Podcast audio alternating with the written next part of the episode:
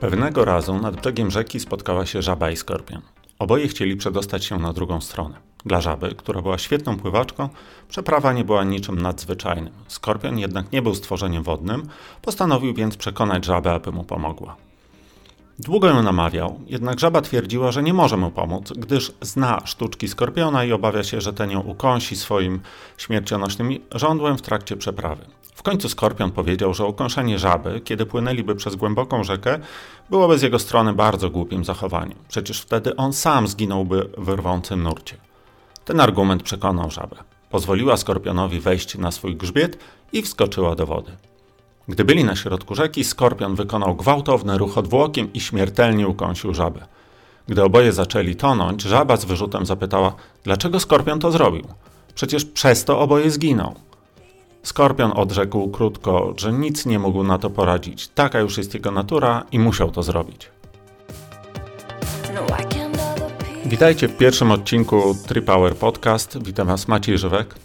No właśnie, czy rzeczywiście nasze cechy zapisane są tak głęboko, że nie jesteśmy w stanie ich na dłuższą metę zmienić? Z jednej strony jestem zwolennikiem opinii, że ludzie się nie zmieniają, potrafią się przebierać i przez jakiś czas nawet nieźle w takim przebraniu czuć ale w pewnym, czasem nieoczekiwanym momencie powrócą do swojego przykrytego na jakiś czas ja. Z drugiej jednak strony, kiedy się dokładnie temu przyjrzeć, jestem innym człowiekiem niż kilkanaście lat temu. Pewne cechy trwają, inne się zmieniły, jeszcze inne zniknęły zupełnie. A więc zmiana jednak jest możliwa. E, to nie jest zmiana całościowa, ale przecież nigdy w swoim życiu nie podjąłem próby zmiany całego siebie, a tylko pewnych elementów.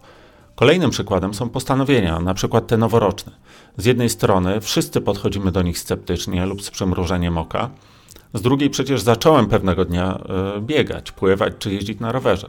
Szybko się do nowych aktywności przyzwyczaiłem, ale na przykładzie biegania pamiętam, że przechodziłem od faz pogardliwego prychania na widok y, biegaczy, przez zainteresowanie, niedowierzanie, że można przebiec 10 kilometrów, obawę przed pierwszym treningiem po postanowienie, że kiedyś to zrobię.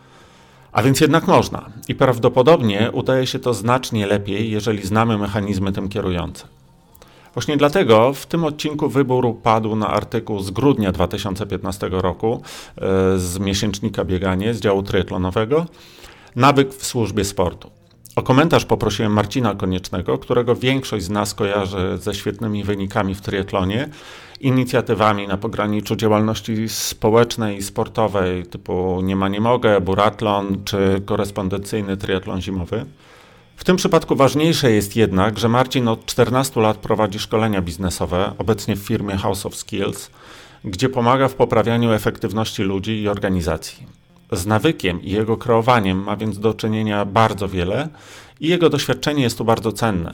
Zapraszam Was serdecznie do oceniania i komentowania, a na kolejny weekend już dziś zapraszam do krainy neoprenu. Lada dzień zaczniecie zastanawiać się nad zakupem pierwszej pianki lub wymianą starej. Porozmawiamy o tym, jak ten temat ugryźć i na co powinniśmy zwracać uwagę. Zacznijmy od artykułu, a w drugiej części porozmawiamy z Marcinem Koniecznym, y, który odniesie się do, do tematu nawyku i troszkę skomentuje to, e, to, co w tym artykule było zawarte. Zapraszam serdecznie.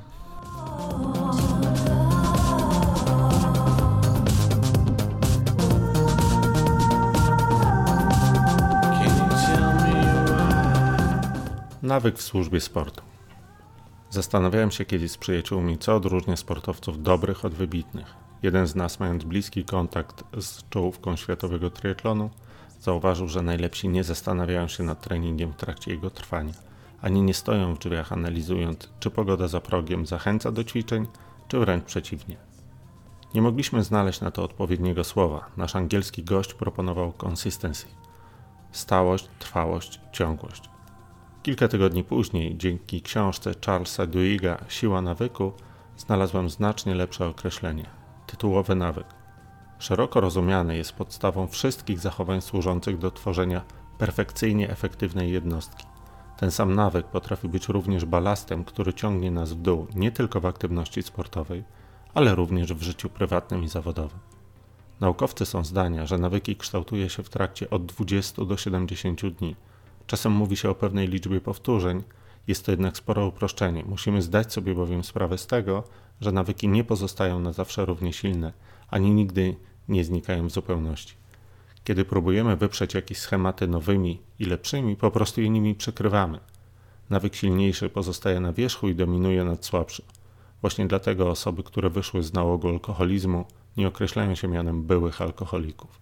Oni doskonale wiedzą, że pewne wzorce zachowań, które prowadzą u nich do sięgnięcia po kieliszek, są wciąż aktywne gdzieś bardzo głęboko i tylko od ich silnej woli zależy, czy pojawią się z powrotem. Roztrenowanie. Pierwsze skojarzenie związane z tą informacją nasuwa się w kontekście bardzo popularnego roztrenowania, w którym popuszczamy ciasno trzymane przez większość sezonu wodze. Nawyki z wielkim trudem kształtowane przez długi czas rujnowane są w ciągu dwóch, trzech tygodni, cofając nas o wiele miesięcy w rozwoju sportowym. Nawyki żywieniowe, przyzwyczajenie do stałych godzin treningu, dyscyplina związana z zarządzaniem czasem odchodzą w szybkie zapomnienie, często w sposób, który wymyka się spod kontroli. Poziom rozpasania niejednokrotnie przewyższa ten, który skłonił nas kiedyś do podjęcia zmian w swoim życiu. Znacznie lepszym rozwiązaniem wydaje się więc wprowadzenie świeżości po wyczerpującym sezonie za pomocą nowego nawyku, nie stanowiącego tak dużego zagrożenia dla formy sportowej. Jak w przypadku każdego z nich, kluczowe będzie zdefiniowanie bodźca, działanie po nim następującego oraz nagrody. W naszym przypadku najbardziej nam będzie zależeć na zmianie działania, pozostawiając bodźce i podobną nagrodę. Jeżeli bodźcem będzie widok roweru czy biegowych butów i chęć wyjścia na trening, po którym spodziewamy się nagrody w postaci dobrego samopoczucia, spowodowanego np. przebywaniem na świeżym powietrzu, spróbujmy w trakcie przerwy między sezonami zamiast forsownego treningu, żwawego spaceru lub zabawy z dzieckiem na zewnątrz. Nie tracimy przyzwyczajeń zdrowego trybu życia i nie pozwalamy demonom wyjść z szafy. Jeżeli mimo wszystko odczuwamy nieodpartą potrzebę rozluźnienia, dyscypliny na koniec sezonu, być może powinniśmy przyjrzeć się swojej motywacji do treningu i sposobowi podejścia do zajęć. Krótka dygresja o motywacji. Rozsypujące się nawyki, efekt jojo w walce z wagą i inne spektakularne porażki mają swoje źródło w sposobie motywacji, jaki stosujemy w dążeniu do celu. Nie chodzi tu tylko o motywację wewnętrzną, kiedy robimy coś dla własnej przyjemności, czy motywację zewnętrzną, gdy staramy się nadążyć za oczekiwaniami otoczenia, wykonujemy polecenia lub staramy się po prostu być modni. Ważne jest także skuteczne uzasadnienie dla działań niezbyt przyjemnych lub trudnych do wykonania. W doświadczeniach zauważono, że rozsądna argumentacja potrafi znacznie obniżyć poziom dyskomfortu związanego z utrzymaniem dyscypliny. Oznacza to, że powinniśmy dążyć do zrozumienia zadań, które wykonujemy. Trudne ćwiczenia na korpus robię nie dlatego, że są niezbędnym elementem planu treningowego. Robię je, ponieważ pozwolą mi utrzymać prawidłową pozycję w każdej z trzech dyscyplin, odciążają inne mięśnie i pozwalają na lepszy wynik. Ćwiczenia te nie są przez nikogo nielubianym sublokatorem ciekawych treningów w planie, są naszym sprzymierzeńcem, dzięki któremu wszystkie pozostałe zadania będą nie tylko łatwiejsze, ale i bardziej przyjemne. Siła woli.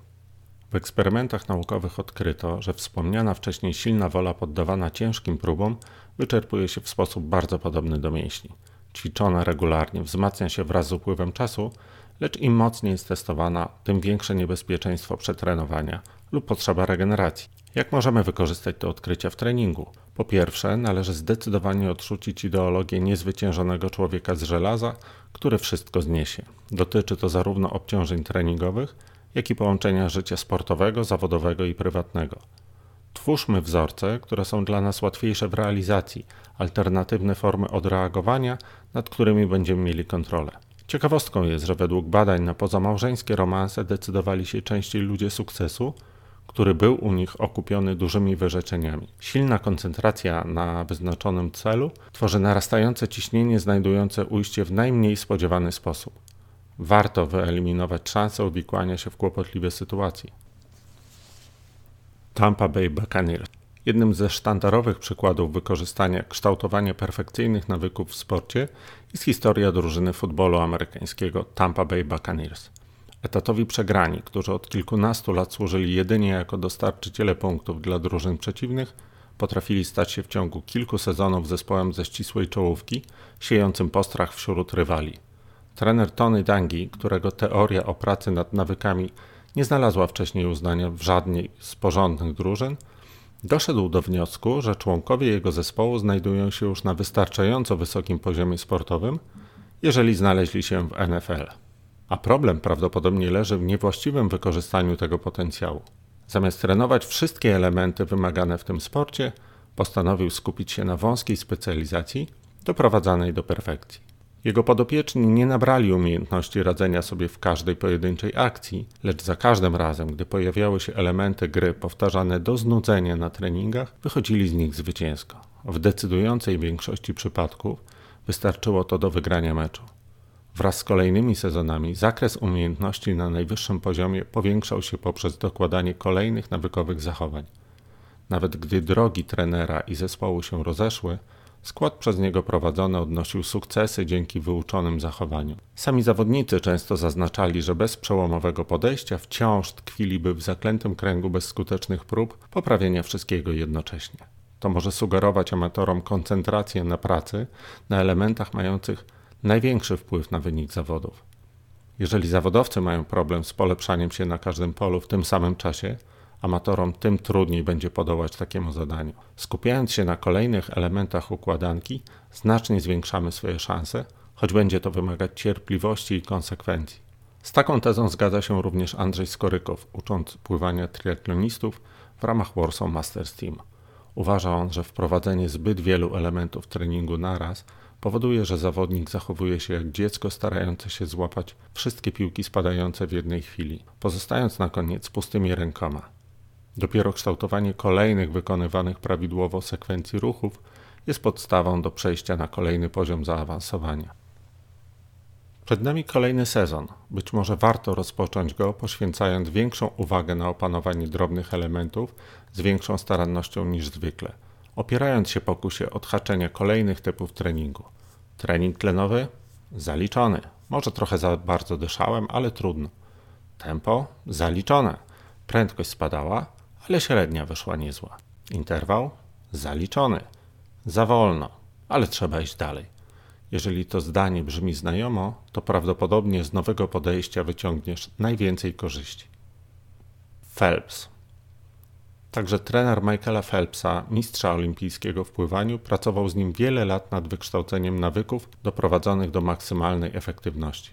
Poza oczywistymi, jak sposób prowadzenia ręki w wodzie czy praca nóg, koncentrowali się na każdym elemencie otaczającym właściwy trening. Phelps kierował się dokładnie przemyślaną kolejnością zdarzeń od momentu obudzenia do zakończenia regeneracji po treningu.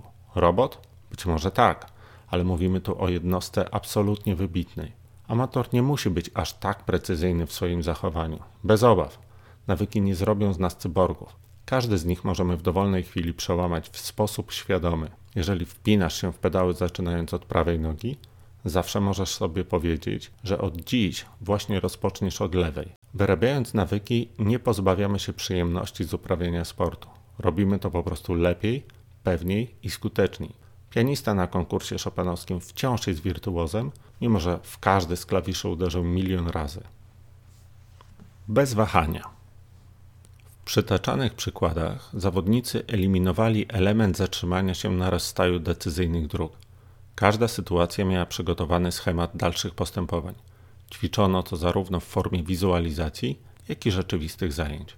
Wprowadzenie takiego nawyku w naszych treningach jest również bardzo korzystne. Dzięki temu nie spotkamy się z problemem zmarnowanego startu lub nieudanego treningu. Moim koronnym przykładem jest jeden z maratonów, kiedy sytuacja wymusiła zbyt wysoką intensywność pierwszych kilkunastu minutach biegu. Norma była przekroczona tak bardzo względem papierowej teorii, że oznaczało to pożegnanie się z założonymi wynikami na mecie. Uznałem jednak, że skoro spaliłem ten start, przeprowadza eksperyment, jak długo można przebywać w tej intensywności do całkowitego odcięcia. Mniej istotny, choć zaskakujący efekt to rekord życiowy. Najważniejsze jednak, że przekonałem się o zupełnie nowym pułapie możliwości oraz znalazłem nowy sens niezbyt udanych treningów. Od tej pory już takich nie miewam. Zamiast nich pojawiły się zadania, w których uczę się szybkiej zmiany strategii. Każde takie doświadczenie powoduje, że podczas startów nie mam chwil zwątpienia. Po prostu następuje zmiana planu. Ta zmiana czasem towarzyszyła mi już w przygotowaniach, czasem ustalałem ją sobie w głowie przed startem, próbując przewidzieć różne warianty i konkretne odpowiedzi na nie. Zmarnowałeś start zaliczając ściany czy zapominając ulubionych butów? Nie. Zmarnowałeś go, nie mając pomysłu na poradzenie sobie z jakimkolwiek odstępstwem od liniowego biegu zdarzeń. Phelps zdobył jeden ze swoich złotych medali olimpijskich, mając w okularach wodę, która uniemożliwiała mu poprawne widzenie. Gdyby zawahał się choćby ułamek sekundy, byłoby po zabawie. On wiedział, ile ma cykli ruchów ręką na basen i kiedy powinien zrobić nawrót. Zamiast obserwować linię na dnie, błyskawicznie przełączył się na liczenie kolejnych uderzeń dłoni w taflę wody. Po co cała ta filozofia? Celem tego artykułu jest zwrócenie uwagi, że nawet najlepsi zawodnicy na świecie swojej przewagi szukają przede wszystkim w lepszym wykorzystaniu treningu. W większości przypadków nie są w stanie dołożyć już kolejnych godzin do swojego planu, zupełnie jak my. Ich ograniczają fizyczne możliwości organizmu, nas proza codziennego życia. Czy zauważyliście, że na czterech stronach tekstu nie poruszyliśmy ani razu kwestii sprzętowych? Buccaneers nie szukali lepszych koszulek, Phelps nie zawracał sobie głowy spodenkami pływackimi. Oczywiście w trakcie zawodów wykorzystują najlepszy dostępny sprzęt, ale jeżeli chodzi o budowanie przewagi nad konkurentami, to ciężka, a przy tym maksymalnie efektywna praca na treningu jest priorytetem. Sprzęt i gadżety są naszą amatorską przyjemnością, w której nie ma nic złego, ale traktujmy je jako zabawki. W innym przypadku możemy poczuć się oszukani na własne życzenie, gdy sprzęt nie wygra za nas zawodów.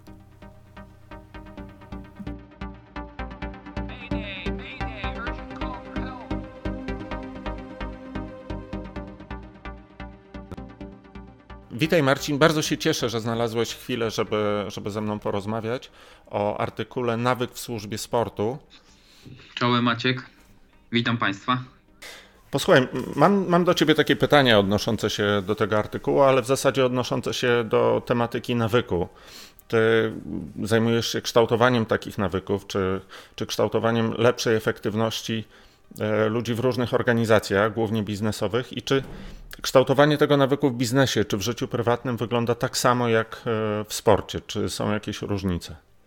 Oczywiście, że wygląda dokładnie tak samo. Niezależnie od tego, czy jesteśmy sportowcem, czy jesteśmy biznesmenem, jesteśmy człowiekiem.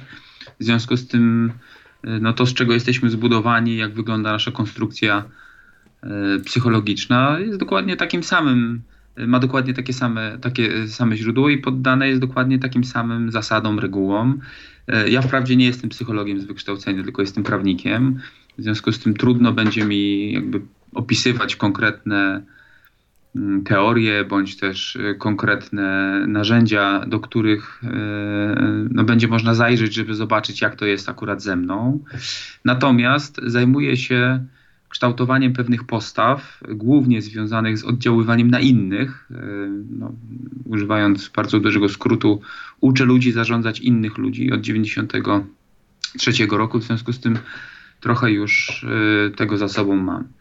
E, dlaczego wygląda to tak samo? No nie tylko z takiego powodu, że jesteśmy po prostu człowiekiem, ale głównie z takiego powodu, że trzeba na nawyk spojrzeć jako coś, co może mieć albo pozytywne, albo negatywne znaczenie. To znaczy, jeżeli wstajesz rano i myślisz sobie, kurde, ale napiłbym się kawki, y, to niezależnie od tego, y, no bo wiadomo, o gustach się nie dyskutuje, ale niezależnie od tego, czy robisz to po to, żeby dostać zastrzyk kofeiny, czy po prostu ta kawa ci smakuje, a może po prostu się do tego przyzwyczaiłeś, to jeśli to jest kawa, to jest ok, ale jeżeli wstajesz rano i myślisz sobie, Boże, napiłbym się Red Bulla, yy, zdając sobie całkowicie sprawę z tego, że napicie się tego Red Bulla nie spowoduje, że nagle dostaniesz zastrzyk yy, kofeiny, bo już się do tego Red Bulla przyzwyczaiłeś, no to to jest akurat taki nawyk,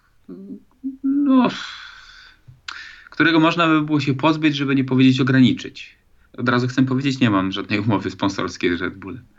Z drugiej strony, jeżeli idziesz na basen i trener ci mówi tak, y, słuchaj, musisz podczas swojego pseudo-kraula, tutaj akurat mówię oczywiście o sobie, y, bardziej ciągnąć rękę do, do przodu, albo bardziej ją prostować, albo używać y, jeszcze bardziej wysokiego łokcia, no to to jest akurat nawyk, którego musisz się nauczyć. Także z jednej strony ten przykład ze wstawaniem rano yy, to jest taki przykład mówiący o tym, że musimy nawyków się pozbyć. Yy, ten drugi mówi o tym, że tych nawyków trzeba się nauczyć. Po co? No po to, żeby oczywiście wykonywać różne aktywności z poziomu tak zwanej nieświadomej kompetencji, to znaczy, żeby nie myśleć o tym, jak wkładam rękę do wody, tylko po prostu, żeby robić to, żeby robić to dobrze. Jak to wygląda w biznesie? Wygląda to dokładnie tak samo. To znaczy, jeżeli przyzwyczajony jestem do tego, żeby dzień rozpoczynać od tego, żeby idąc korytarzem patrzeć na prawo i na lewo, e, myśleć sobie, wygnoję nic nie pracujecie, muszę was kontrolować, no to w pewnym momencie staje się to moim DNA, jeśli chodzi o zarządzanie ludźmi. I niezależnie od tego, co się dzieje dookoła, ja po prostu tak robię. E, I to jest przykład takiej aktywności nawykowej, którą, której trzeba się oduczyć. Przykładem aktywności nawykowej, której się trzeba nauczyć, jest chociażby reagowanie w sposób pozytywny na rzeczy, które ludzie robią dobrze, bo polscy menadżerowie to już jest akurat y, tłuczone nam naprawdę no wiele lat, mają taką skłonność, żeby zauważać, że jak coś jest ok, no to znaczy, że to jest standard. Innymi słowy, jeżeli pracownik zrobi coś naprawdę świetnie, no to spodziewa się pochwały, natomiast menadżer myśli sobie, że kurczę, no za co mam człowieka chwalić, jeśli jest to w jego kontrakcie. Także no, ja widzę bardzo dużo tego typu y, połączeń pomiędzy światem sportu a światem biznesu. Y, oczywiście mówimy o tej tematyce nawyku. Mhm. E, powiedziałeś, że jesteśmy człowiekiem i mnie ciekawi, czytając takie artykuły, czy starając się dowiedzieć czegoś nowego w ogóle o teorii sportu, czy, czy psychologii sportu, to jest trochę tak, że czytamy te teorie, one są wszystkie bardzo ciekawe, mają swoje bardzo dobre uzasadnienie, z tym, że e, próbuję sobie to wyobrazić, e, jak mam to przełożyć na siebie, bo no bo właśnie, bo jestem tylko człowiekiem. Trudno mi jest wyjść z siebie, tak stanąć obok, popatrzeć, e, poukładać się trochę inaczej i wejść w nowego siebie, który działa już zupełnie, zupełnie inaczej, jest maszyną doskonałą. Jak, jak przenieść to na samego siebie? Y, to ja mam dwa komentarze odnośnie tego pytania. Po pierwsze, ja należę do takich, y, do takich osób, i to może być moja wada bądź też zaleta, które nie za bardzo lub, lubią psychologizować. Innymi słowy, y, jak poznaję jakąś, jakąś koncepcję, to zapoznam się z nią. Natomiast wchodzenie do bebechów i patrzenie na to, co tam jest między zdaniami i patrzenie na to, co to jest, co jest z drugiej strony i tak dalej, znaczy to mnie nie kręci. Wydaje mi się, że jeżeli ktoś publikuje coś i jest to poparte dowodami, to ja po prostu w to wierzę. Oczywiście może być kontr teza i mogę się yy, zafiksować na to, że akurat to pierwsze działa, a to drugie nie działa. Natomiast według mnie bardzo istotnym aspektem jest ten aspekt użyteczności. To znaczy, jeżeli ja widzę, że coś działa, to ja nie potrzebuję merytorycznego uzasadnienia tego. Po prostu widzę na swoim przykładzie, że to, że to funkcjonuje. Natomiast w Twoim pytaniu, i to jest ten drugi, drugi komentarz, ja bardzo wyraźnie słyszę taką prośbę o yy, radę pod tytułem: No dobrze, jeżeli jestem świadom tego swojego nawyku, to co teraz powinienem zrobić? No i ten komentarz yy, no, będzie związany z. Yy, bardzo chodliwym ostatnio słowem pod tytułem coach, bo nie chcę powiedzieć psychoanalityk, E, bo takie pójście na galerię czasami wymaga tego, żeby podszedł do ciebie ktoś z boku i właśnie zanim wejdziesz na etap nieświadomej kompetencji, to żeby wyciągnął cię e, z tego etapu, który nazywa się nieświadomą niekompetencją. Innymi słowy, ty możesz sobie nie zdawać sprawy z tego, że coś robisz źle, e, no właśnie dlatego, że to jest twoim nawykiem. Innymi słowy, standardem może być dla ciebie na przykład dla mnie innymi słowy yy, staje się nawykiem. Yy, standardem może być dla ciebie to, że ponieważ robisz to od 10 lat, to znaczy, że to jest dobre. Yy, to wcale nie jest dobre. Bo to, że robisz to od 10 lat, wcale nie oznacza, że robisz to dobrze. I dla mnie tutaj akurat pływanie jest wyśmienitym przykładem tego, że można robić coś na jakimś poziomie skuteczności, a potem się okazuje, że przychodzi do ciebie człowiek, który na ciebie spojrzy, poogląda cię przez dwie minuty i powie: Stary, wydaje mi się, że jeżeli byś wyeliminował tylko to, to, to i to, to zacząłbyś pływać 15 razy szybciej. Ja tego doświadczam trenując na przykład z Tomkiem Kowalskim. Dokładnie tego samego doświadczałem trenując z Darkiem Sidorem, bo oczywiście uczyłem się pływać sam. Nie wiem na ile to jest prawdziwe, bo nie jeżdżę na nartach, ale właśnie takie pójście na galerię to jest często przekleństwo osób, które same nauczyły się jeździć na nartach i potem jadą za granicę, y, no i trafiają pod opiekę y, jakiegoś tam instruktora, który myśli sobie, Boże, to najpierw trzeba będzie człowieka oduczyć, a dopiero potem trzeba będzie go nauczyć na nowo. I to jest, to jest pewne wyzwanie, to jest trudne. Y, inną kwestią, którą usłyszałem w tym Twoim pytaniu, to jest kwestia potem utrwalania tego, no ale to jakby możemy o tym pogadać za chwilę jeszcze. No właśnie, bo to jest, e, to jest pytanie, które rodzi się następne. Jak wytrwać w tym postanowieniu? Ja już wiem, co robię źle, wiem, że chcę to zmienić, ale e, wiesz, to, to jest trochę tak, jak na wstępie wspominałem do podcastu, że większość z tych noworocznych postanowień, one jednak się nie udają. I co, czy, czy są jakieś sprawdzone mechanizmy takie wzmacniające, które pomogą wytrwać w postanowieniach czy w próbach zmiany nawyku? Ja jestem bardzo dużym zwolennikiem konsekwencji. Uważam, że nie ma tabletek na to, żeby coś trwało.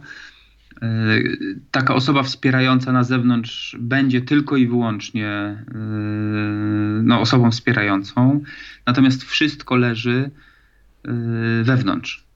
Innymi słowy, jeżeli nie masz bardzo silnej wewnętrznej motywacji, która według mnie rozpoczyna się od zadania sobie pytania, po co mi to? Po co chcę to zmienić? Po co e, chcę się tego nauczyć? Dlaczego chcę to wyeliminować? A, a różne mogą być powody. To jest to e, element bardzo przyspieszający stanie się tą czynnością, której się uczymy, nawykiem. Y, oczywiście są różne, różne teorie mówiące o tym, że od 30 do 60, czasami do 180 dni trwa taki proces kształtowania nowej umiejętności i przekształcenie się jej w nawyk. No bo to wiadomo, że tam każdy chce coś y, zapromować, pokazując swoje doświadczenia. Natomiast ja oduczyłem się słodzić herbatę tylko i wyłącznie dlatego, że po pierwsze wiedziałem, że cukier, no wiadomo jaki jest. Y, po drugie, wyeliminowałem ten cukier z zasięgu wzroku. Y, no i po trzecie, y, byłem konsekwentny. To znaczy, za każdym razem, jak chciało mi się nabić słodkiej herbaty, to no, patrzyłem, nie ma cukru. No to co? No to piję herbatę bez cukru. I nagle się okazało, że po 30 dniach już ten cukier nie jest mi do niczego potrzebny w tej herbacie. I wydaje mi się, że podobnie jest, podobnie jest ze wszystkim. Yy, jasne, są osoby, które potrzebują pomocy z zewnątrz. Są osoby, które, no nie wiem, nawet w moim programie mentoringowym mówią: Słuchaj, Emkon, weź mi powiedz, jak ja mam tam na ten trening, na ten trening rano wyjść.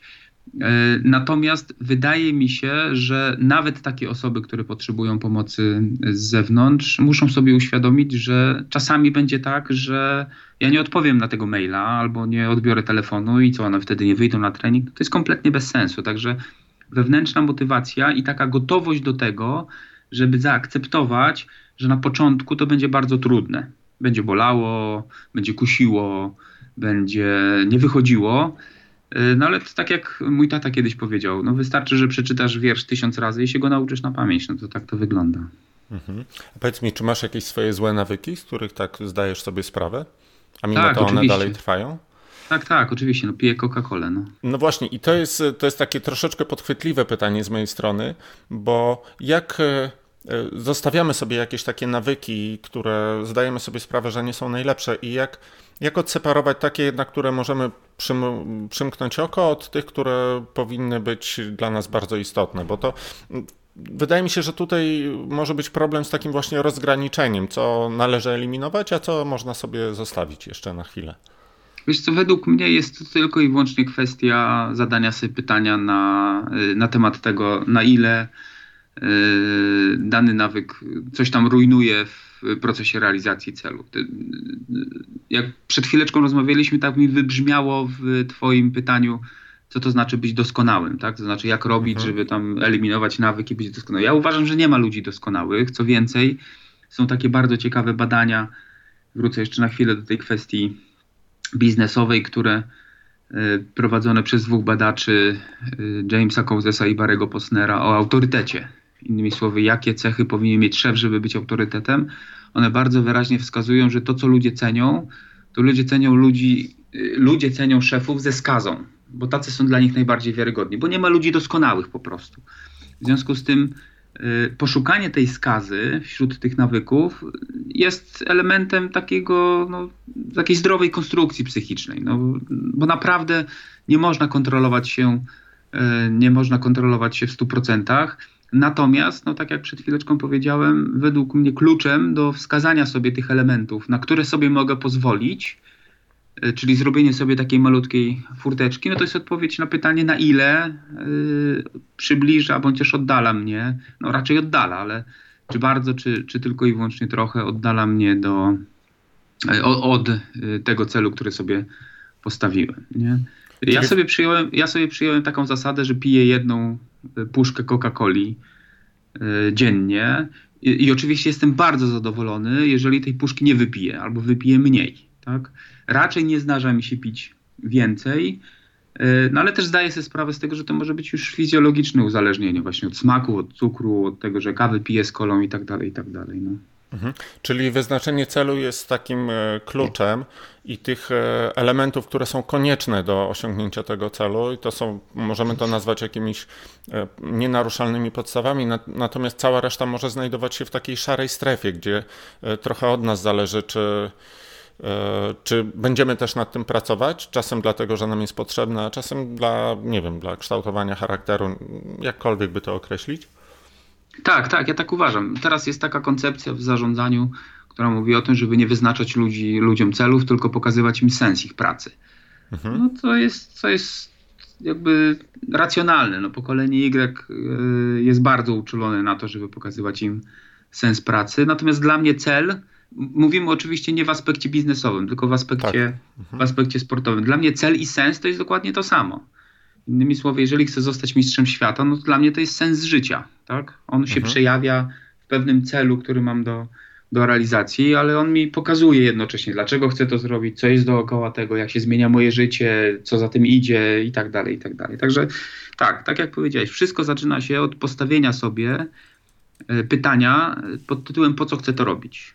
Jak jesteś bardzo silnie w tym pytaniu zakorzeniony, to eliminacja tych elementów, które są na, stoją na przeszkodzie, żeby ten cel zrealizować, jest naprawdę banalna. Mhm. Na koniec miałem do Ciebie pytanie, na które już mi troszkę odpowiedziałeś. Chodziło, chodziło mi o to, czy e, kiedy wprowadzamy sobie jakieś nowe teorie, nowe pomysły do treningu, czy, m, mm, czy wystarczy nam oprzeć się na takim materiale, jak, jak ten chociażby cytowany wcześniej artykuł, czy powinniśmy drążyć temat e, jak najgłębiej się da, bo e, często takim zarzutem wobec, szczególnie wobec triatlonistów jest to, że przekombinowują ten swój trening teoretycznie, że zbyt dużo czasu poświęcają na, na badania amerykańskich naukowców i wszelkiego rodzaju teorie, które tam udowodniły, że można pobiec czy popłynąć trochę szybciej a trochę za mało skupiają się na, taki, na takiej zwykłej robocie. To jak ty to widzisz? Y, no ja jestem tutaj dość ortodoksyjny, ale głównie ze względu na mój charakter. Pewno Emil Wydarty miałby inne zdanie na ten temat. Y, ja jestem z tej starej szkoły, y, która mówi, że trening, szczególnie trening wytrzymałościowy, jest prosty jak konstrukcja cepa. Naprawdę. Innymi słowy, jest bodziec, jest odpoczynek, jest trening tlenowy, kolejny bodziec. I czy ten bodziec będzie miał kształt A, czy będzie miał kształt B, to ma naprawdę drugorzędne znaczenie. E, w związku z tym, w moim przypadku, szukanie e, różnych teorii, no naprawdę jest stratą czasu. Wolę poświęcić ten czas na trenowanie, na regenerację, a nie wczytywać się w to, czy dieta A, czy dieta B, bo doskonale zdaję sobie sprawę z tego, że niezależnie od tego, jaką dietę teraz będziemy omawiali, to żeby schudnąć, to muszę po prostu mniej żreć. No to tak to, tak to wygląda. Aczkolwiek to jeszcze raz chcę to podkreślić. Ja jestem ortodoksem, jeśli chodzi o te sprawy. Uważam, że wiele rzeczy zostało już wymyślonych i one, i one funkcjonują i to funkcjonują dobrze. Nie chcę powiedzieć, że wszystkie oczywiście, tak, ale, ale wiele rzeczy. Natomiast zdecydowana część yy, różnych otaczających nas przejawów nowoczesnych badań bądź też produktów, to jest tylko i wyłącznie marketing. Dieta MZ, czyli dieta mniej żrej, to, to, to musi być jakieś przeznaczenie, że to są takie same inicjały jak moje. Coś, coś w tym musi być. Marcin, bardzo dziękuję, że znalazłeś czas, żeby, żeby ze mną porozmawiać. E, wiem, że wybierasz się teraz na trening. Rower? Idę na rower, tak, ale czekam aż się zrobi trochę, trochę cieplej. Mhm. Rower na zewnątrz. Nie przepadasz za trenażerem, czy Przepadam, natomiast to jest ostatni dzień w tym miesiącu, kiedy mogę zrobić y, rower, który potem wrzucę do triatlonu korespondencyjnego. Tak? A, rozumiem, te treningi do triatlonu korespondencyjnego, które są wrzucane na, ostatni, na ostatnie dni miesiąca. Hm. Tak, kiedy, tak, tak. kiedy wszyscy już myślą, że wygrali. Tak, to prawda. Bardzo dziękuję Marcin. E, do usłyszenia dziękuję i do bardzo. zobaczenia. Do usłyszenia, trzymaj się.